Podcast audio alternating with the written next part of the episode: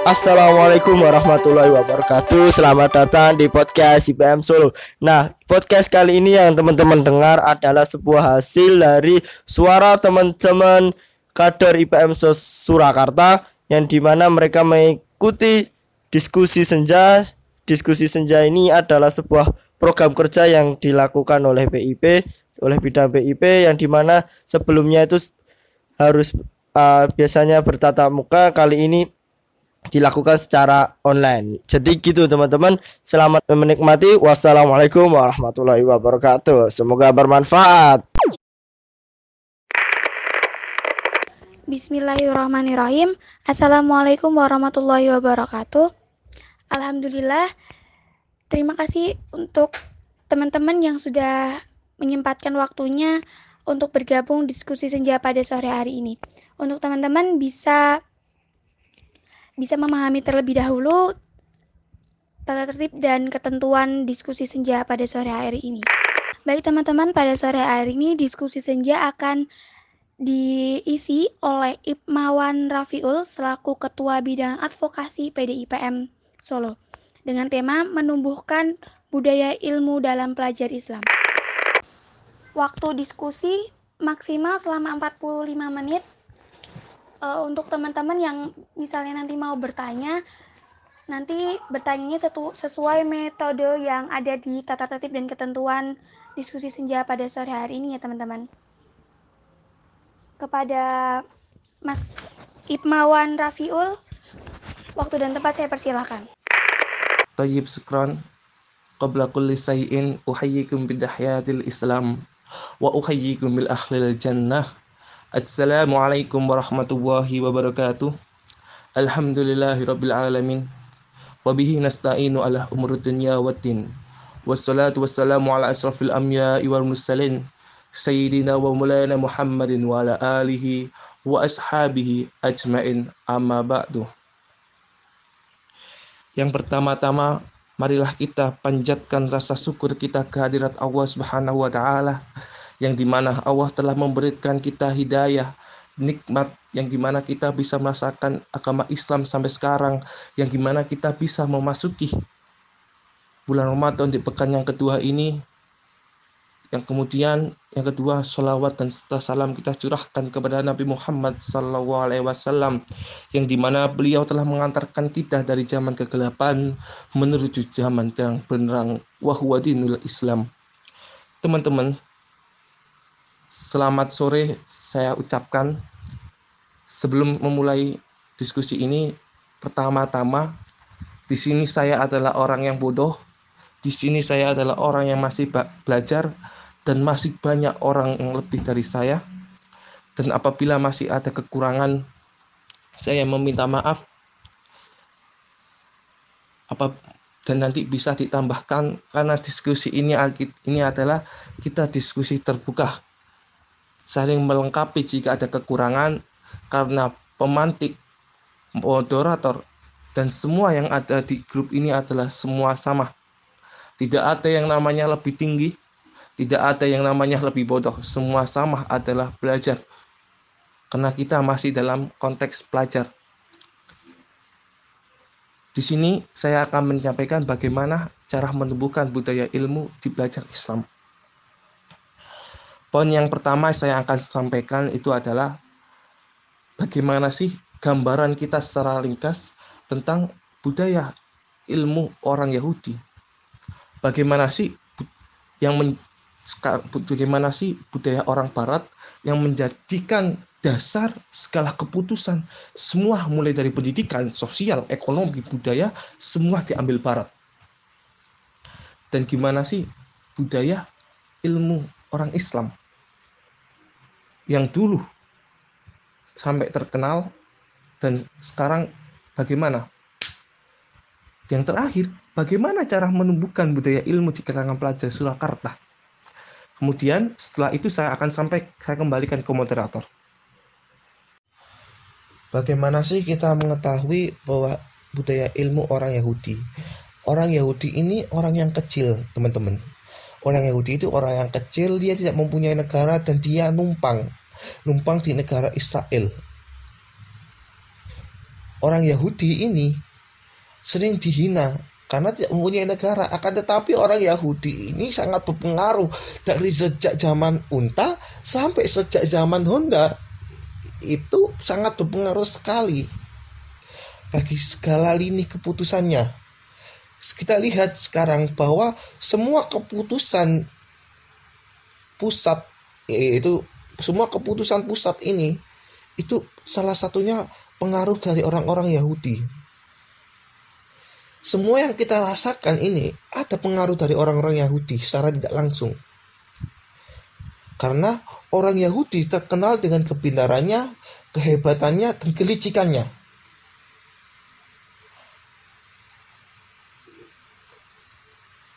Dan banyak para tokoh-tokoh orang Yahudi yang berpengaruh dalam dunia ini. Contohnya, kita ambil dua aja ya. Contohnya Sigmund Freud, orang yang pakar psikologi. Karl Marx, dia merupakan pakar ekonomi dan politik. Itu adalah pengaruh, berpengaruh. Dan banyak bukunya yang buku-buku dan teori-teori yang dikeluarkan oleh dua orang ini. Dan pusat dari orang Yahudi itu adalah kepada kitab Taurat mereka dan kemudian pada para cendekiawan mereka semua. Dan pada abad 19 Masehi, orang Yahudi menetapkan bahwa ilmu sekuler ini adalah ilmu yang mengatasi kemiskinan dan kemelaratan. Bagaimana sih budaya ilmu orang barat?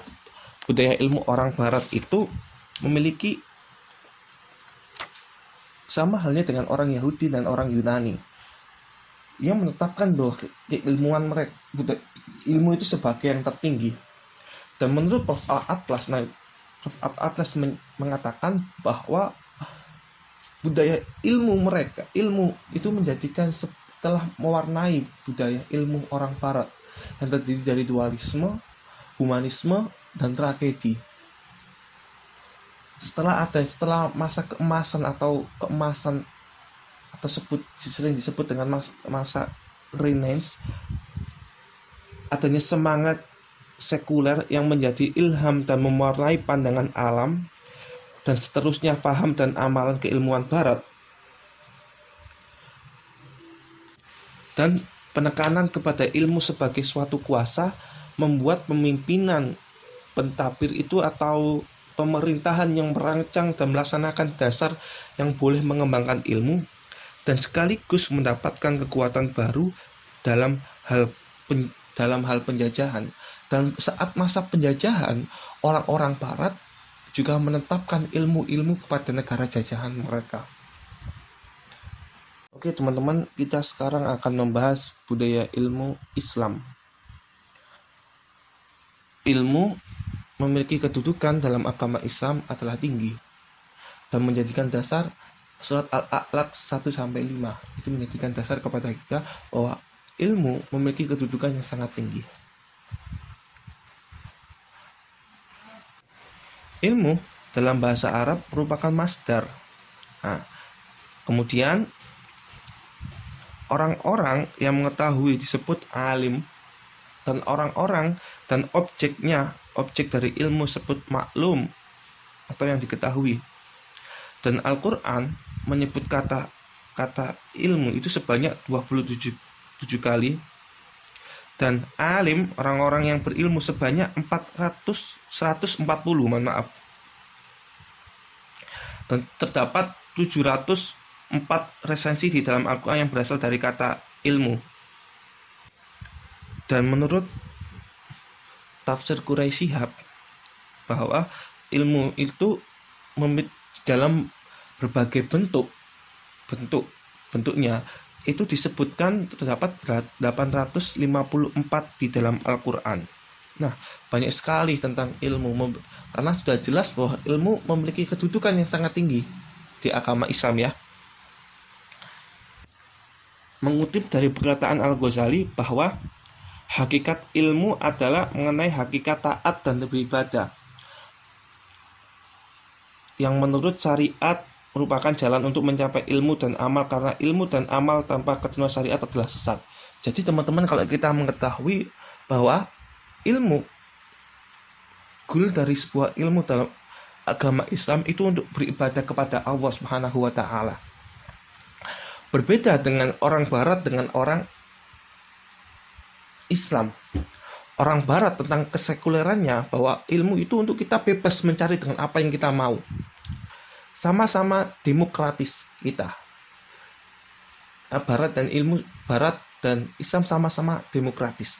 Akan tetapi dalam pandangan Islam teman-teman teman-teman semua itu kita mencari ilmu untuk beribadah kepada Allah Subhanahu wa taala. Ilmu kita semua ini kita cari untuk beribadah kepada Subhanahu wa taala karena kita sebagai khalifah di bumi, bumi ini. Karena nanti kita harus memiliki sebuah keadilan dan kebijaksanaan dalam mengambil sesuatu setelah kita tadi membahas bagaimana ilmu orang-orang barat, orang-orang Yahudi dan bagaimana ilmu agama Islam, kemudian kita membahas setidaknya hubungan antara ilmu amal dan iman.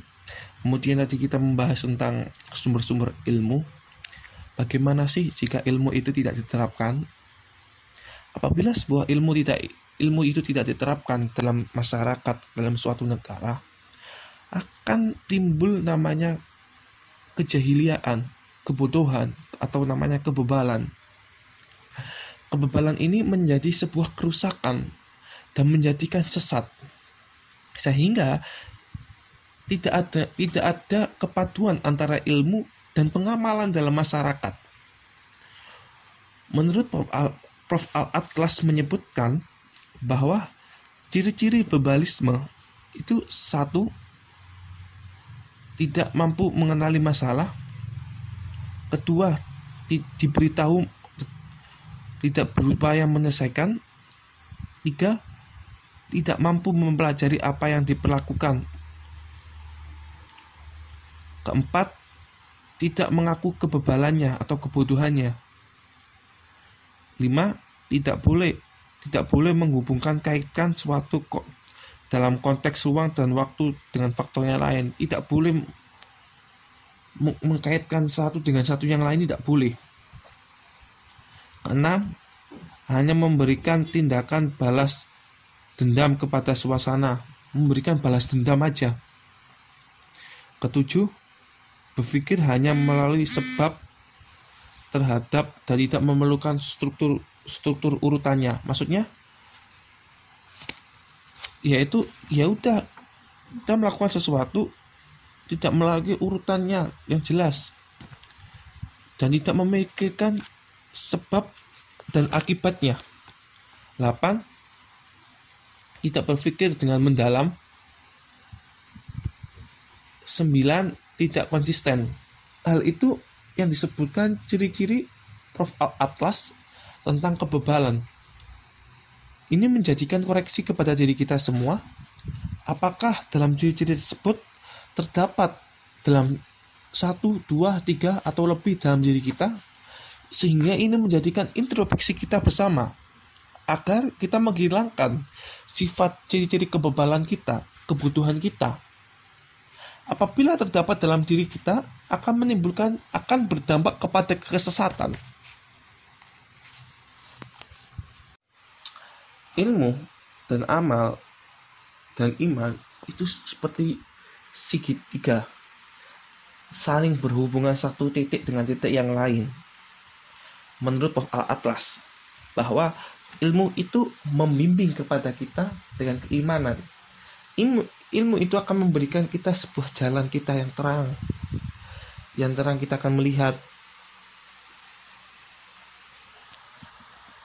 kemudian iman dan ilmu mengantarkan kepada seseorang yang memiliki derajat. Il, iman dan ilmu mengamalkan seseorang memiliki derajat.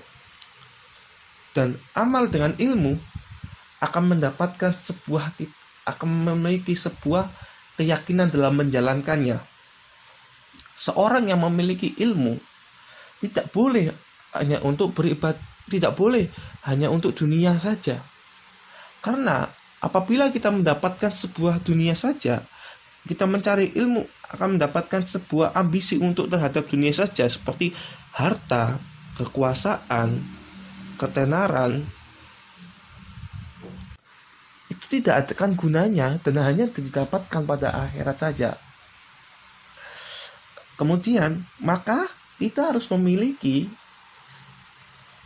kita harus merubah mindset kita bahwa kita belajar itu untuk mencari ilmu itu untuk mencari ridho Allah karena ini menjadikan dasar-dasar nilai spiritualitas kita menjadi dasar e-, epistemologi dalam ilmu Islam gitu teman-teman karena apabila kita menggunakan ilmu kita untuk mencari ridho Allah dan mencari beribadah kepada Allah seperti dalam hadis Nabi idza mata adamu in amalahu ila min salasin sudakotin, jariyatin, au ilmi yang tafa'u, au waladin bi solihat.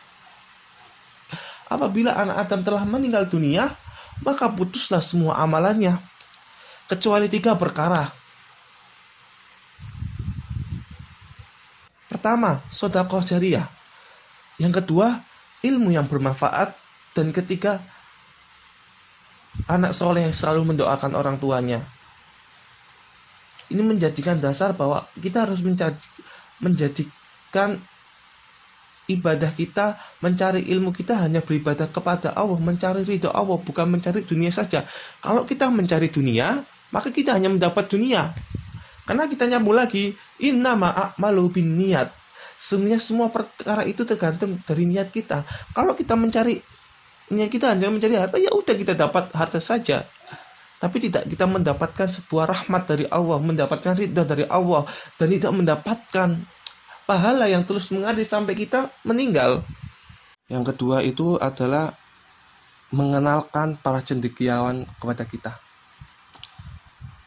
Setelah kita tadi menghormati para cendekiawan, para guru kita, maka kita harus merapatkan, mendekatkan dengan mengenal. Dengan kita melihat sejarah mereka, dengan kita membaca-baca buku mereka dengan kita membaca buku mereka dan budaya ilmu orang barat dan orang Yahudi itu telah menempel pada jiwa mereka itu dengan salah satunya dengan melalui sejarah-sejarah mereka. Dengan sejarah-sejarah mereka seperti banyak bukunya yang banyak bukunya tentang sejarah tentang khusus tentang keilmuan mereka tokoh-tokoh yang pernah berkecimpung, berkecimbung tentang masalah keilmuan. Akan tetapi di Islam kita telah kita jarang mengetahui. Contohnya Tarikh Al-Baghdadi karya Baghdadi. Kemudian buku tentang Faya Al-A'yan buku Ibnu Khalid salah satu itu adalah salah satu buku tentang peran keilmuan Islam dan tokoh-tokoh keilmuan Islam. Nah, sudah itu setelah Bagaimana caranya kita menghidupkan budaya ilmu? Menghidupkan budaya ilmu satu. Pertama yang kita harus lakukan adalah penghormatan kepada ilmuwan dan kepada para pendidik atau guru kita. Banyak yang kita lupakan banyak kita terkadang kita meremehkan perkataan guru kita. Terkadang kita tidak mendengarkan perkataan guru kita. Padahal dulu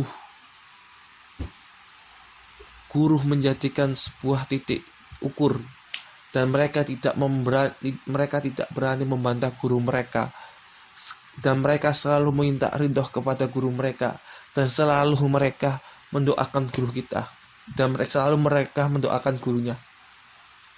Sekarang pertanyaannya, apakah kita sudah mendoakan guru kita? Berapa kali guru kita berapa kali kita telah mendoakan guru kita dalam sholat? Apakah pernah? Apakah tidak pernah? Jika belum pernah, maka doakanlah guru kita. Doakanlah kesehatan mereka. Doakanlah rezeki mereka lancar karena secara tidak langsung yang kita lakukan ini adalah pengaruh dari guru mereka.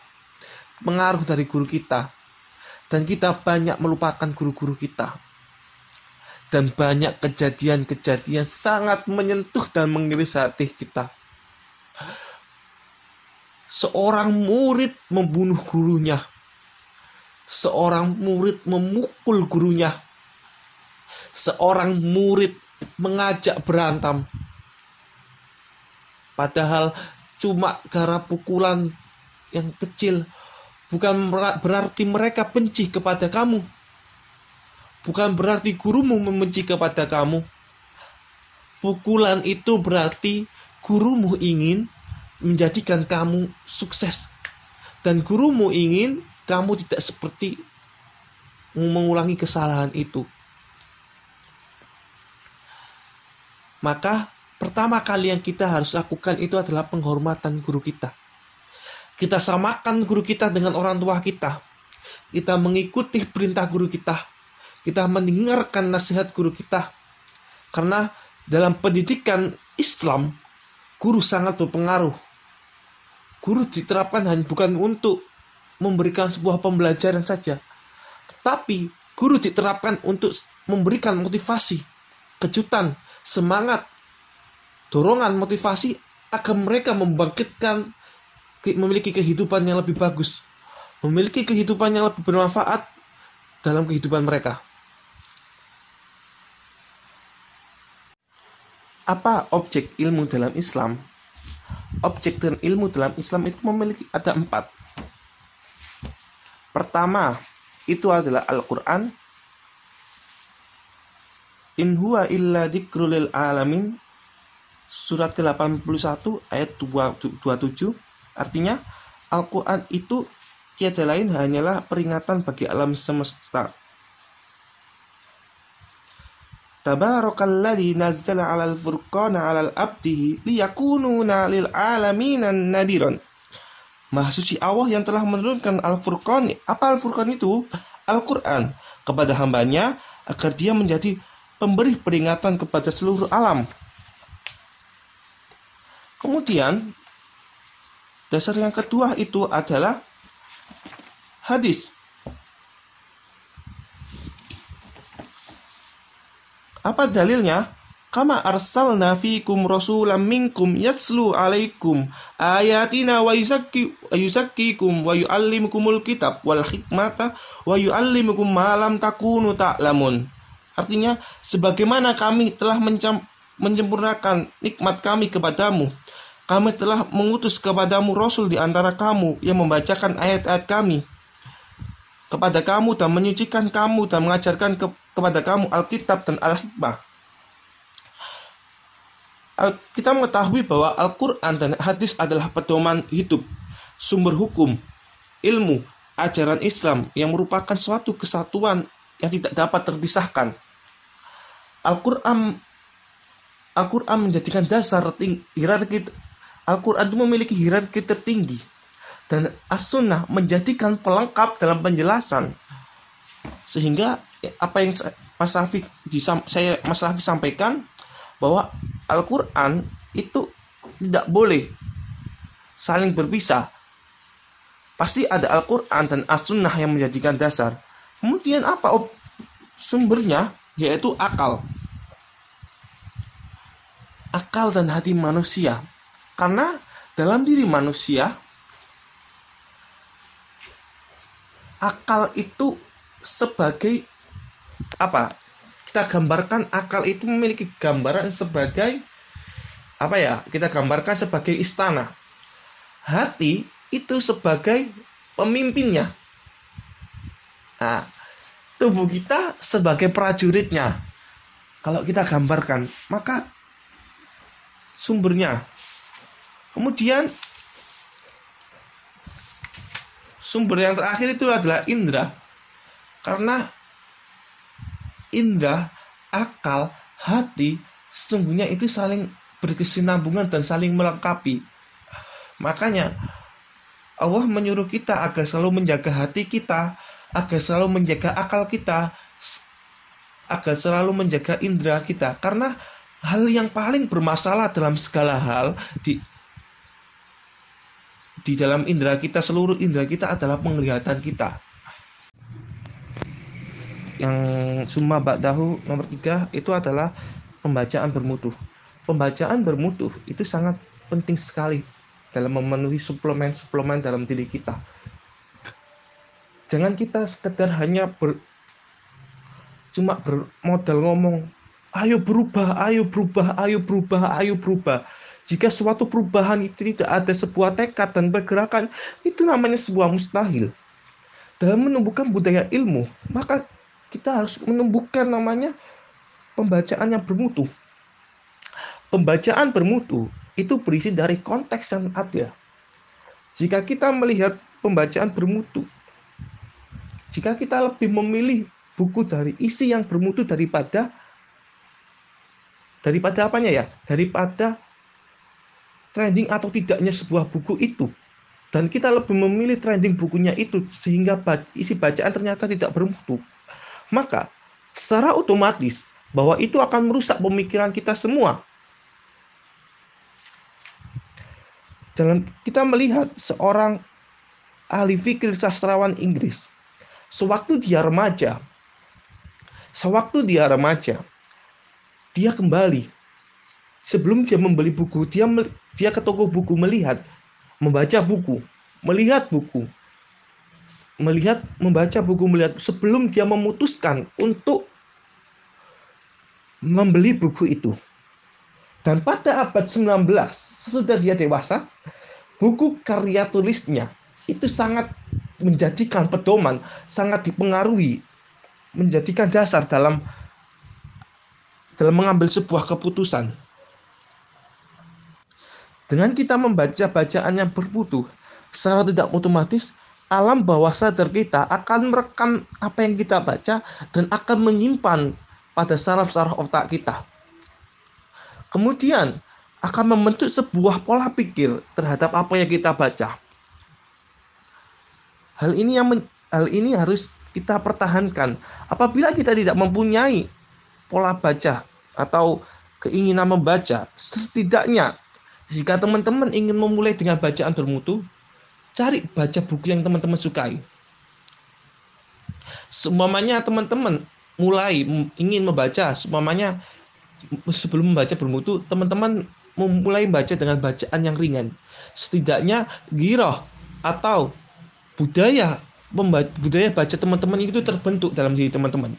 Teman-teman mulai membaca novel, teman-teman membaca cerpen, atau teman-teman membaca artikel secara tiap hari terstruktur, tersusun, ber, bertahap.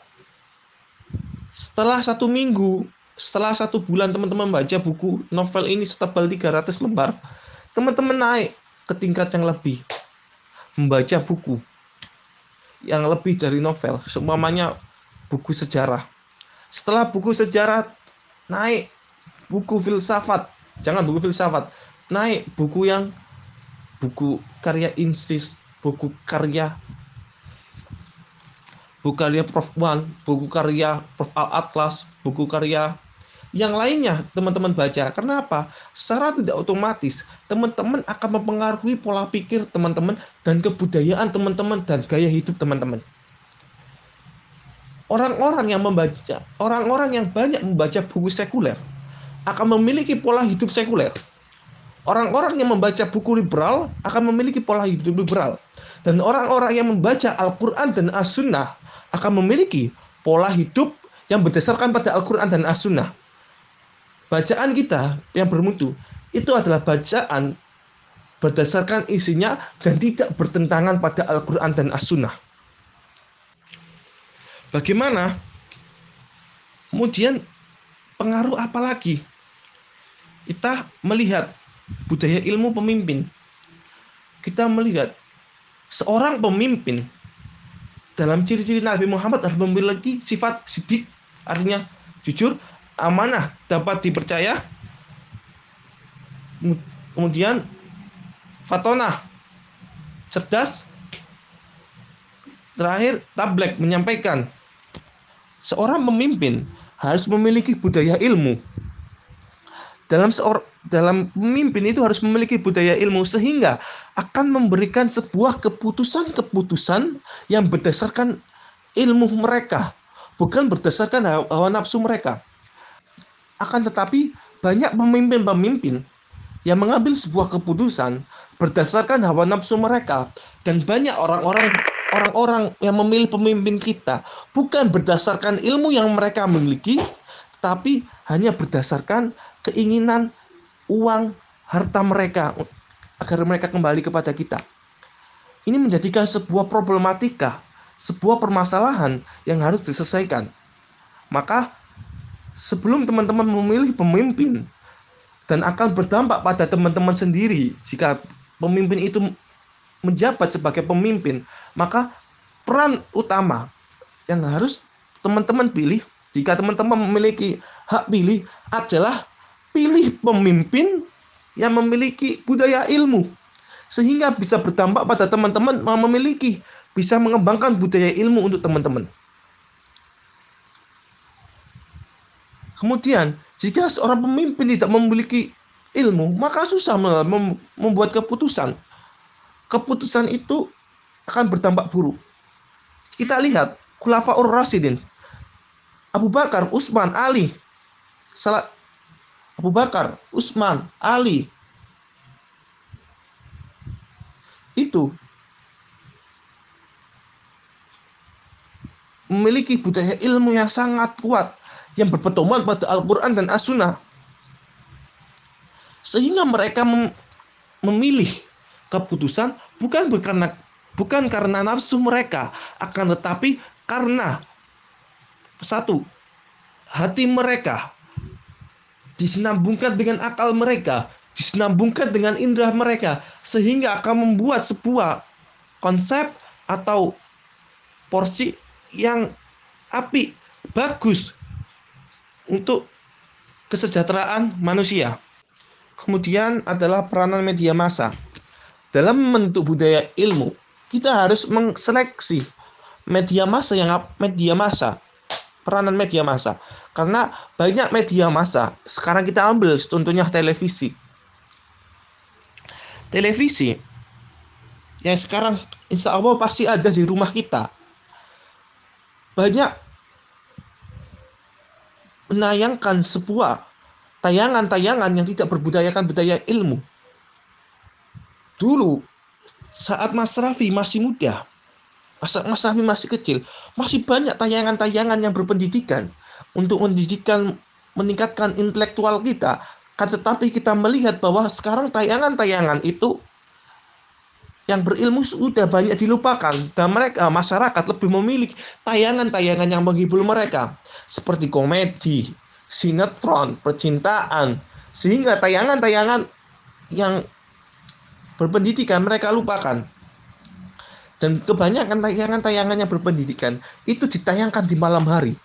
Bukan ditayangkan di pagi hari, atau di siang hari, atau di sore hari. Di malam hari itu, di malam hari kan bisa jam 7, bisa jam 8, akan tetapi lebih dari jam 11 saat anak-anak, teman-teman saat tidur. Sehingga ini merusak dan kita dimakan dan disuapin oleh media massa, itu makanan yang tidak bermutu. Pertengkaran, perkelahian, pembunuhan, secara tidak sadar yang itu akan terekam di mindset kita semua. Di otak kita, alam bawah sadar kita akan terekam. Sehingga kita susah menumbuhkan budaya ilmu. Dan kesimpulannya teman-teman, dalam media massa ini, teman-teman harus selektif memilih mana media massa yang terbaik buat teman-teman. Dan teman-teman harus mulai sekarang harus selektif dan mengurangi mana percintaan, mana pergalauan, mana tentang gosip, mana tentang hibah-hibah semua dikurangi dan yang merusak tentang budaya ilmu teman-teman dan teman-teman memilih stasiun televisi yang bermutu, yang memiliki dan menunjang budaya ilmu teman-teman semua. Yang terakhir adalah adanya sebuah persediaan buku dan kegiatan penerjemahan. Mungkin teman-teman kegiatan penerjemahan ini adalah di atas level S1, S2. Dan teman-teman bisa bisa melakukan penerjemahan jika teman-teman memiliki bahasa yang bagus karena banyak orang-orang yang membutuhkan penerjemah untuk menerjemahkan buku-buku. Terutama sekarang ini lagi digalaknya penerjemahan buku bahasa Arab ke bahasa Indonesia. Banyak sekali percetakan-percetakan yang menerjemahkan dari bahasa Arab ke bahasa Indonesia untuk menunjukkan budaya ilmu budaya ilmu masyarakat Islam. Dan banyak ustadz-ustadz yang menggalakkan itu. Setidaknya dalam jika ingin kita menunjukkan budaya ilmu itu kita harus memiliki setidaknya itu persediaan buku. Teman-teman memiliki buku apa? Teman-teman harus memulai hobi membaca buku, mulai mengkoleksi. Ibaratkan buku itu sebuah harta emas, sebuah sebuah ibaratkan adalah laptop, ibaratkan sebuah HP, ibaratkan sebuah gawai, ibaratkan sebuah tablet, ibaratkan sebuah mobil, ibaratkan sebuah motor. Yang itu kita jaga benar-benar. Jika apabila laptop kita memiliki kerusakan, kita bawa servis. Sama halnya dengan buku. Jika kita ingin memiliki budaya ilmu, maka kita harus setidaknya mulai membaca buku dan mengumpulkan buku. Mengumpulkan buku, kita jika kita tidak memiliki tabungan untuk membeli buku, setidaknya kita mulai ke perpus, perpus kota, perpus provinsi, perpus sekolah, perpus daerah atau perpus kampung-kampung kita sering berkunjung ke perpus. Ibaratkan kita mulai membuat bagaimana cara kita membuat budaya hobi kita ke perpus untuk membaca. Walaupun kita tidak kita duduk secara kita secara otomatis kita akan melihat orang-orang yang membaca buku. Dan dan kita akan tertarik mulai membaca. Kebanyakan Orang-orang yang suka membaca, dia akan melihat temannya samping kanan kirinya membaca buku. Dia mulai tertarik. Dia membaca. Karena dia menemukan sebuah kenyamanan dalam membaca buku dan dia akan senang. Kenyamanan itu akan menumbuhkan sebuah ketenangan dan ketenangan akan menumbuhkan sebuah kecintaan. Maka kesimpulannya yang bisa kita simpulkan, marilah kita memiliki budaya ilmu dalam diri kita. Kita menerapkan mulai suka membaca, giat membaca, kita giatkan membaca. Kita mulai membaca dari hal-hal yang sangat ringan, entah mulai membaca koran, majalah, novel, apa pun. Setidaknya kita memiliki giro dan semangat untuk membaca. Akan tetapi jangan kita stagnan di sana terus.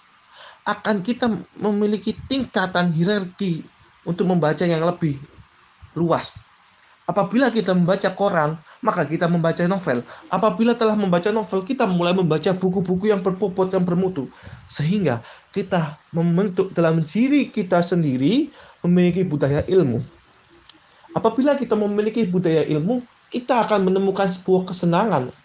Apabila kita menemukan sebuah kesenangan, kita akan memiliki sebuah ketenangan. Apabila kita memiliki sebuah ketenangan, kita memiliki sebuah kecintaan. Dan kecintaan ini akan mengharapkan ridho kepada Allah untuk mengharapkan surga Allah Subhanahu wa taala. Karena dalam hadis Nabi, "Idza mata Adamu in qata'ahu amalahu illa min salasin, sadaqatin jariyatin au ilmu yang tafa'u au waladin sholihin yada'ula. Apabila anak Adam telah meninggal, maka putuslah semua amalannya kecuali tiga perkara yaitu sodako jariyah ilmu yang berguna ilmu yang berguna ini akan menumbuhkan sebuah budaya ilmu dalam diri kita sehingga membentuk membentuk pola pikir kita membentuk amalan ibadah kita yang baru sehingga walaupun kita meninggal dunia kita akan memiliki pahala yang terus mengalir karena ilmu kita yang telah kita sampaikan. Apabila kita memiliki ilmu yang kita sampaikan, kita sampaikan kepada saudara kita, adik kita, kakak kita. Kita memperingatkan ibu, bapak jika salah. Karena itu akan menjadikan sebuah ladang pahala bagi kita semua. Terima kasih. Baik teman-teman, itu tadi udah dikirimin seperti file oleh Ibmawan Rafiul bisa teman-teman download dulu, terus dibaca dulu, dipahami, baru nanti setelah itu bertanya. Oke teman-teman, jika teman-teman nanti mau bertanya atau memberi tanggapan, saya buka pertanyaan dan tanggapannya sekitar 15 menit atau nanti sekitar selama jam setengah lima. Nanti setengah lima itu dibuka pertanyaannya, nanti metode pertanyaan sesuai ketentuan di grup diskusi senja. Terima kasih. Bismillahirrahmanirrahim Assalamualaikum warahmatullahi wabarakatuh Perkenalkan teman-teman Nama saya Aulia Rahmadewi Dari Sukoharjo Nah Mungkin saya ingin uh, mengajukan pertanyaan Yang mungkin sudah dipertanyakan Dalam tema ini Mungkin bisa dibahas di sini oleh Mas Rafiul ya Monggo nanti dijelaskan dan diberikan solusinya Nah, jadi seperti ini. Seperti yang telah kita ketahui, ada suatu kejadian di mana terjadinya krisis multidimensi yang menimpa umat Islam itu sendiri. Nah, pada hakikatnya bermuara pada satu masalah yang itu problem problem kerusakan ilmu. Nah, kerusakan ilmu inilah disebabkan oleh masuknya konsep-konsep dan ide-ide asing yang menyelusup menyelundup ke dalam pemikiran cendekiawan muslim. Nah, bagaimana Mas Raffi tanggapannya atau solusinya? Upaya kita uh, kita nih berupaya untuk uh, sebagai pembelajar yang haus akan ilmu sehingga ingin menumbuhkan budaya ilmu dalam diri kita. Namun uh, kami masih bingung dari mana kita memfilter uh, bagaimana caranya kita memfilter ilmu-ilmu masukan-masukan uh, pengetahuan yang diberikan kepada kita yang ada di di sekitar kita ya. Sementara ya udah di sekitar kita itu terdapat banyak sekali paham-paham pemikiran yang kita belum tahu paham pemikiran itu apakah sudah sesuai dengan Al-Qur'an dan As-Sunnah, apakah pemikiran itu bisa menyesatkan kita, bisa uh, uh, apa namanya? menghancurkan eh menghancurkan ya menyesatkan pemikiran kita gitu dalam berpikir, dalam bersikap juga. Seperti itu Mas Raffi monggo ditanggapi dan diberi solusinya. Itu dari saya, afwan apabila ada yang kurang dalam penyampaian. Syukron. Assalamualaikum warahmatullahi wabarakatuh. Silahkan Mas Raffi, ini ada pertanyaan. Monggo dijawab. Bismillahirrahmanirrahim. Saya akan mencoba menjawab dari pertanyaan Mbak Aulia Rahmat Dewi apabila ada kekurangan nanti bisa ditambahkan teman-teman untuk menjadikan sebuah jawaban dan diskusi yang diskusi kita menjadi indah dengan menemukan sebuah jawaban dan arah ke depannya kita. Kita perkembangan zaman sekarang menghasilkan banyak diabolisme diabolisme intelektual. Apakah diabolisme intelektual itu? Bahwa diabolisme intelektual itu yaitu seorang pengrusak ilmu. Maka jelas tadi disebutkan bahwa ilmu itu kita diwajibkan untuk mencari ilmu. Mulai dari seorang laki-laki perempuan itu diwajibkan untuk mencari ilmu. Dan orang terdahulu orang yang wajib mencari ilmu itu zaman Yahudi. Orang-orang Yahudi orang-orang Belanda yang cuma wajib mencari ilmu itu hanya seorang laki-laki. Maka kebanyakan seorang teo, pencetus teori itu kebanyakan seorang laki-laki dan jarang seorang perempuan. Maka dalam Islam semua orang dituntut baik laki-laki baik perempuan itu wajib untuk menuntut ilmu. Bagaimana caranya? Yaitu agar memiliki sumber-sumber. Sumber-sumbernya itu apa? Yaitu satu berdasarkan Al-Quran dan As-Sunnah. Nah, Al-Quran dan As-Sunnah ini menjadikan pokok das pokok utama hierarki dalam beragama dalam ilmu Islam semua ilmu apabila semua ilmu apabila bertentangan dengan ajaran agama Islam, maka walaupun itu ilmu bagus, maka tidak bisa diambil. Karena walaupun tidak tidak masuk akal. Karena Islam telah mengajarkan kita bahwa seluruh dasar kehidupan, hierarki keputusan sumber itu adalah Al-Quran dan As-Sunnah. Kedua, kedua adalah akal dan hati. Akal dan hati ini adalah salah satu berkesinambungan. Akal hat, itu adalah salah satu kesinambungan. Apabila ilmu yang bertentangan dengan akal, maka itu bukan dikatakan sebuah ilmu. Karena manusia memiliki akal, hal-hal yang bertentangan dengan akal baik bentuk, baik wujud, baik isinya, itu tidak bisa dikatakan sebuah ilmu. Maka hati memberikan sebuah perasaan, akal memikirkan, dan hati memberikan sebuah perasaan terhadap kita semua. Kemudian, sumber yang ketiga itu adalah itu adalah indera. Indera itu menyaksikan baik indera penglihatan, indera penciuman, indera pendengaran, indera pengecap dan sebagainya lainnya indera itu menjadikan sumber ilmu. Jika kita melihat bahwa Al-Qur'an diturunkan itu melalui dua tahap. Pertama, tahap secara fi'liyah yaitu Allah Subhanahu wa taala menurunkan melalui malaikat Jibril kemudian disampaikan kepada Nabi Muhammad dan Nabi Muhammad menyampaikan kepada umatnya untuk diajarkan dan diamalkan itu menggunakan fi'liyah. Mohon maaf.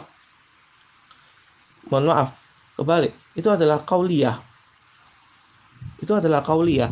Sedangkan secara fi'liyah itu fi'liyah yaitu apa pun yang berada di muka bumi ini dan apa pun yang terjadi, mamanya bumi ini berputar, kita bisa berjalan, kita bisa melihat, kita bisa berbicara, kita bisa mendengar. Itu adalah ayat-ayat fi'liyah. Yang tidak ada di Al-Quran. Tetapi Allah menyebutkan melalui melalui ciptaannya yang ada di muka bumi ini. Maka gimana caranya? Intinya kita harus berdasarkan kepada Al-Quran dan As-Sunnah terutama. Kita lihat adakah sumber Al-Quran ini jelas mengatakan ada di Al-Quran jika tidak kita yakini tidak jika kita yakin pemanya banyak nih kaum-kaum yang merusak ajaran agama Islam Pemanya dia menyelewengkan ayat-ayat Al-Quran.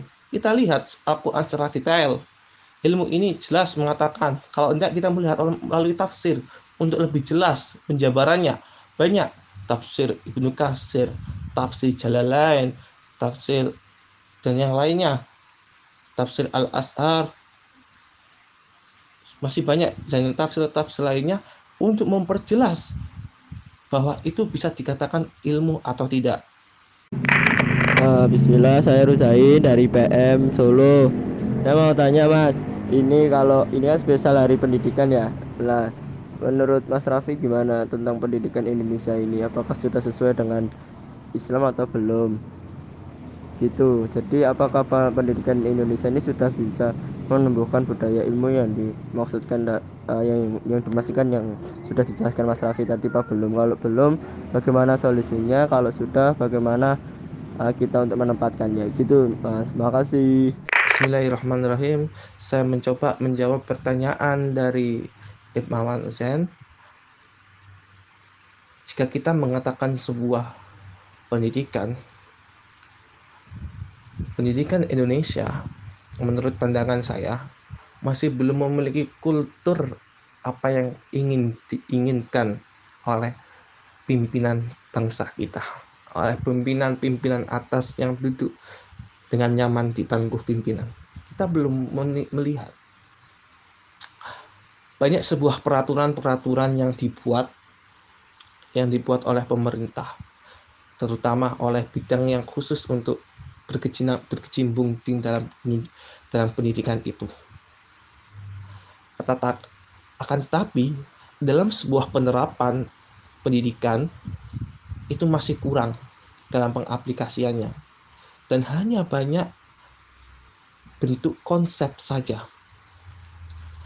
Pendidikan yang sebenarnya itu adalah pendidikan yang berdasarkan pada Al-Quran dan As-Sunnah. Sekolah, pendidikan, pendidikan ya, kita katakan pendidikan. Pendidikan di sekolah adalah pendidikan kedua akan tetapi ada sebuah pendidikan utama yang dilupakan oleh kebanyakan orang, yaitu pendidikan keluarga. Keluarga adalah elemen-elemen keluarga yang terdiri dari elemen ibu, elemen bapak, elemen kakak, elemen adik, sebagai tim yang selalu memiliki kerjasama dalam berpendidikan. Akan tetapi ini banyak dilupakan oleh orang-orang, dilupakan banyak oleh orang-orang dan menganggap bahwa cukup saja saya serahkan kepada sekolah. Dan orang tua banyak melupakan pendidikan untuk mendidikan karakter dalam diri orang-orang anak tersebut, anak-anak tersebut. Kita lihat pendidikan sekarang mengalami teknologi, perkembangan teknologi, bahwa berkembangnya teknologi berkembangnya juga pekerjaan. Orang-orang tua kita lebih memilih memfokuskan dalam pekerjaan mereka. Ia sibuk mencari kerja. Terkadang ibu juga ikut bekerja.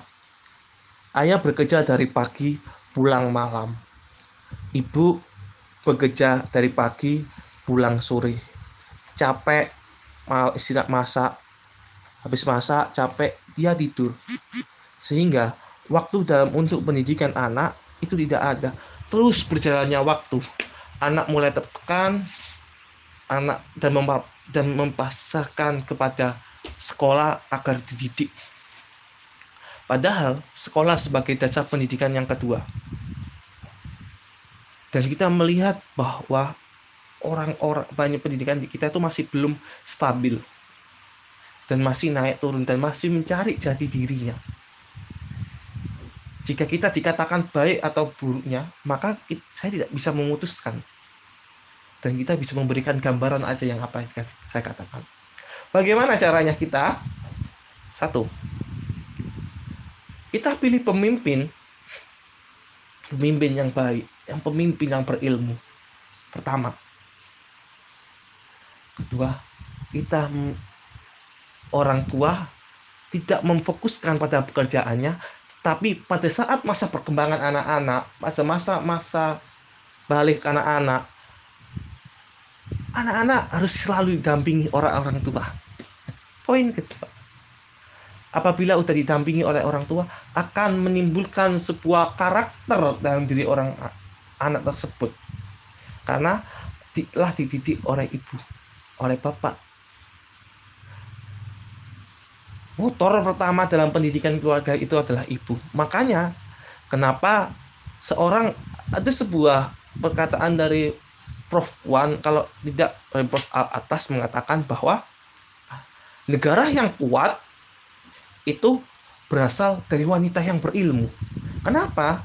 Apabila wanita itu berilmu, maka dia akan mendidikkan mendidik anaknya dengan cara ilmu dan itu akan menyerap dalam diri anak tersebut dan menjadikan karakter.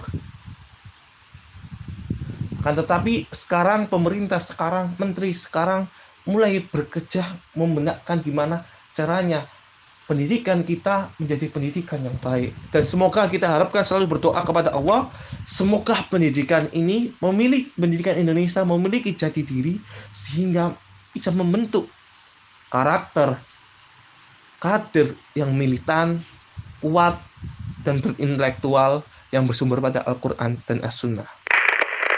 Terima kasih kepada Mas Raffi yang telah memberikan materi kepada kita semua. Semoga materi yang diberikan oleh Mas Raffi bisa bermanfaat bagi kita semua.